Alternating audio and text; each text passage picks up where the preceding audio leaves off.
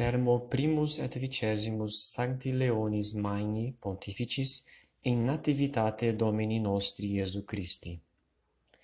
Salvator noster delectissimi, odie natus est, gaudiamus, neque enim locum fas est ibi est tristitiae ubi natalis est vitae, quae consumpto mortalitatis timore nobis ingerit de promissa eternitate letitiam.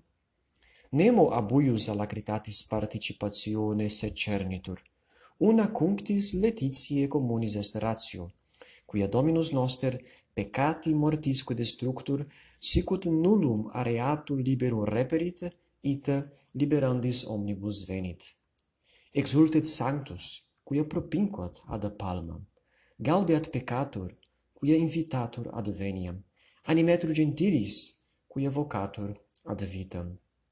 Dei namque filius, secundum plenitudinem temporis, quam divini consilii inscrutabilis altitudo disposuit, reconciliandum auctori suo naturam generis assumpsit humani, ut inventor mortis diabolus per ipsam convicerat vinceretur. In quo conflictu pro nobis inito, magno et mirabili equitatis iure certatum est, dum omnipotens Dominus, con sevissimo oste, non in sua maiestate, sed in nostra congreditur humilitate, obiciens ei eandem formam, eandemque naturam, mortalitatis quidem nostre participem, sed peccati totius expertem. Alienum quipe ab nativitate est, quod de omnibus legitur. Nemo mundus assorde, nec infans, cuius est unius diei vita super terram Nicil ergo in istam singularem nativitatem de carnis concupiscentia transivit. Nicil de peccati legem manavit. Virgo regi Davidice stirpis eligitur, quae sacro gravidanda fetu divinam humanamque prolem prius concipere temente concorpore. Et ne superni ignara consilii ad inusitatos paveret effectus, quod in ea operandum merata Spiritus Sancto, colloquio dicit angelico nec damnum credit pudoris Dei genitrix mox futura cur enim de conceptionis novitate desperet cui efficientia de altissimi virtute promititur. confirmatur credentis fides etiam preuntis attestatione miraculis donaturque Elisabeth inopinata fecunditas ut qui conceptum dederat sterili daturus non dubitaretur et virgini. Verbum igitur Dei Deus Filius Dei, qui in principio erat apud Deum, per quem facta sunt omnia, et sine quo factum est nihil, propter liberandum ab aeterna morte hominem factus est homo. Ita se ad susceptionem humilitatis nostri sine diminutione suae maiestatis inclinans, ut manes quod erat assumensque quod non erat veram servi formam ei forme in qua Deo Patri est qualis uniret. Et tanto federe naturam utranque consereret ut nec inferiorem consumeret glorificatio nec superiorem minuret assumptio.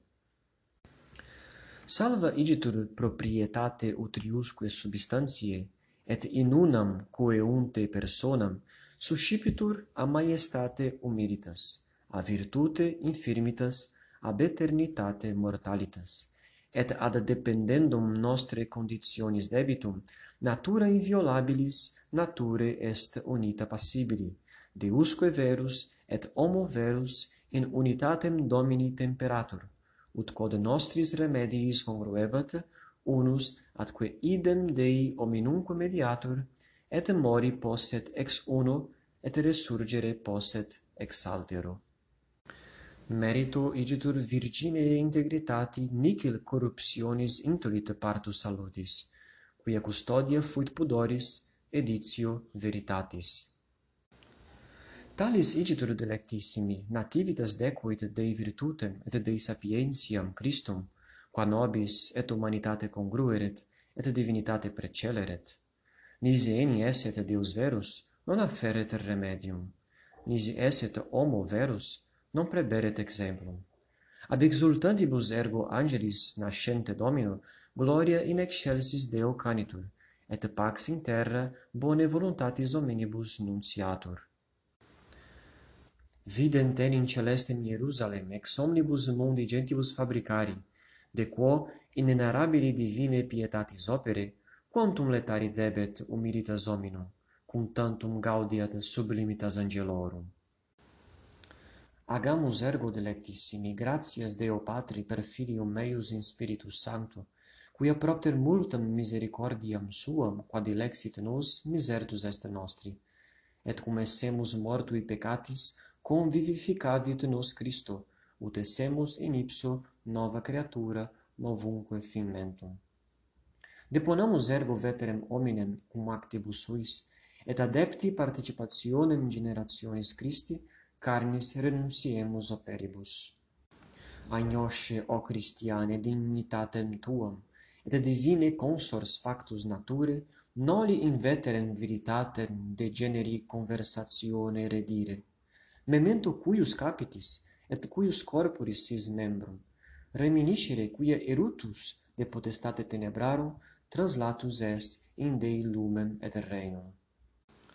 Per baptismatis sacramentum Spiritus Sancti factus est templum, noli tantum habitatorem pravis de te actibus effugare, et diaboli te iterum subicere servituti, quia pretium tuum sanguis est Christi, quia in veritate te iudicabit, qui misericordia te redemit, qui cum Patre et Spiritus Sancto regnat in saecula saeculorum. Amen.